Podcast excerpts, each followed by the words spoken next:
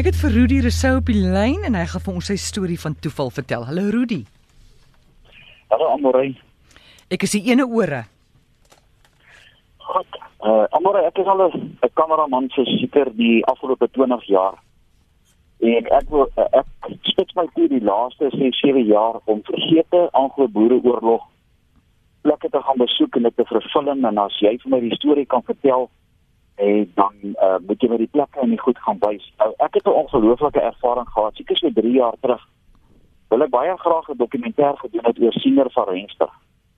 Nou Siener van Rensburg het eintlik 'n wonderlike geskiedenis want hy is deur die Tweede Vryheidsoorlog sonder 'n geweer met net sy Bybel.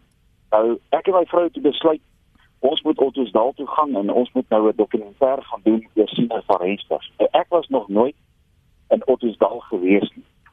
Ons bly in Rodepoort, so dis omtrent so 3 ure se ry van ons af Ottosdal toe. Nou ons het vroeg die oggend gery en kom ons aan daar by Ottosdal.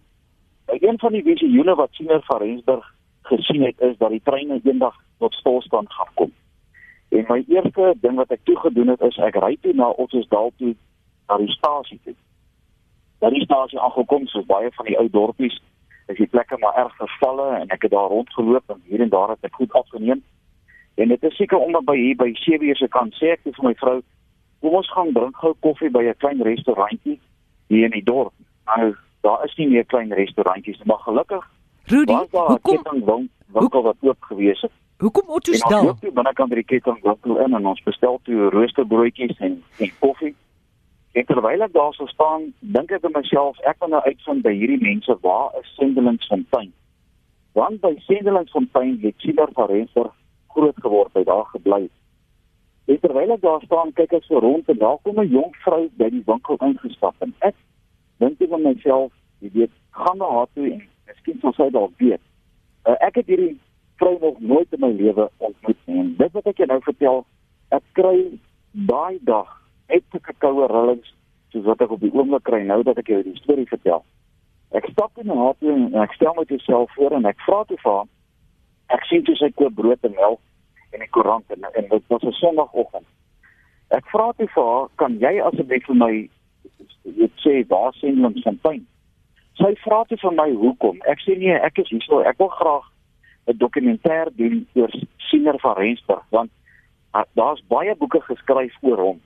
Maar niemand weet waar hy gebly en wat hy gedoen het in in daai tydperk. En sy kyk my so half verdwaas aan en sy sê vir my: "My pa, oom Okkert van Rensburg, is die kleinseun van Siener van Rensburg."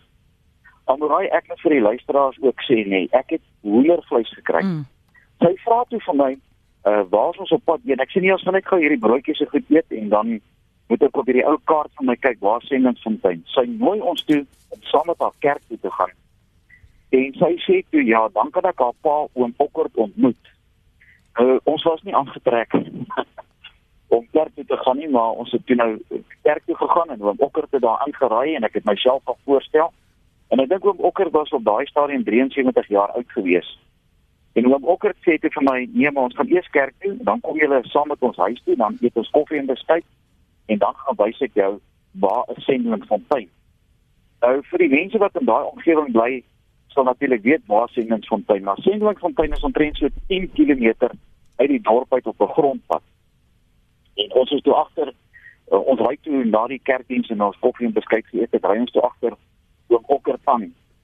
En toe kom ons by die klein van Rensburg kerkhof uit. En dit is waar Siener van Rensburg en sy vrou en 'n paar familielede van die van Rensburg familie begrawe is.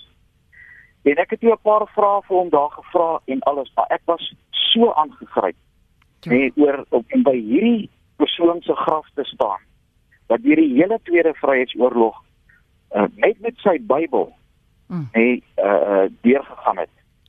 En ek het weer 'n afspraak gemaak met hom Okkers van Rensburg en toe het hy ons gaan wys waar het Siener van Rensburg gebly.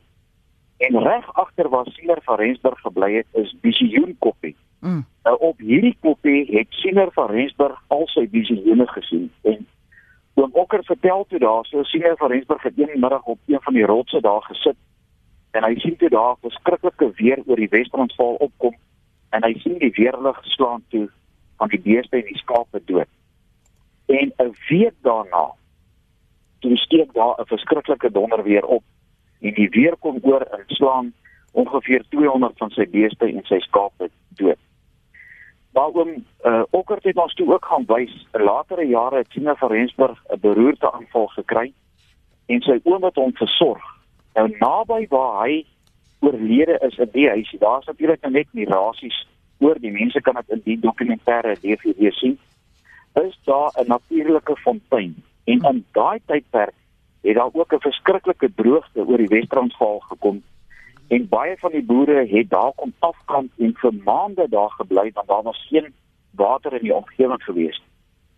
En ek moet vir jou sê en ek moet vir die luisteraars ook sê, weet jy wat? Daai fontein bestaan vandag nog daar by Sendlingsfontein omtrent so 500 meter van waar Sine van Rensburg begrawe is. Ja, yes, dit is ongelooflik en as jy nie daai vrou ontmoet het in daai kafee nie, sou jy Amorai, nooit die, op hierdie inligting stom nie. Ek ek ek sit nou hier in die motor terwyl ek met jou praat nie. Ek kry hoendervleis. mm, Weet jy wat vir die afgelope 7 jaar hierdie uh, goed is aan my toevertrou. Ek weet net ek moet dit doen. Het ek na 7 jaar 55 boervrou en kinder konsentrasiekampe reg oor Suid-Afrika besoek. Daar is eintlik 126 konsentrasiekampe gewees in die Tweede Vryheidsoorlog. hoorie ek moet jou Baie hulle groet. deurge Rudy, Ja. ek moet jou nou groet. Ons het jou storie van toeval. Dankie.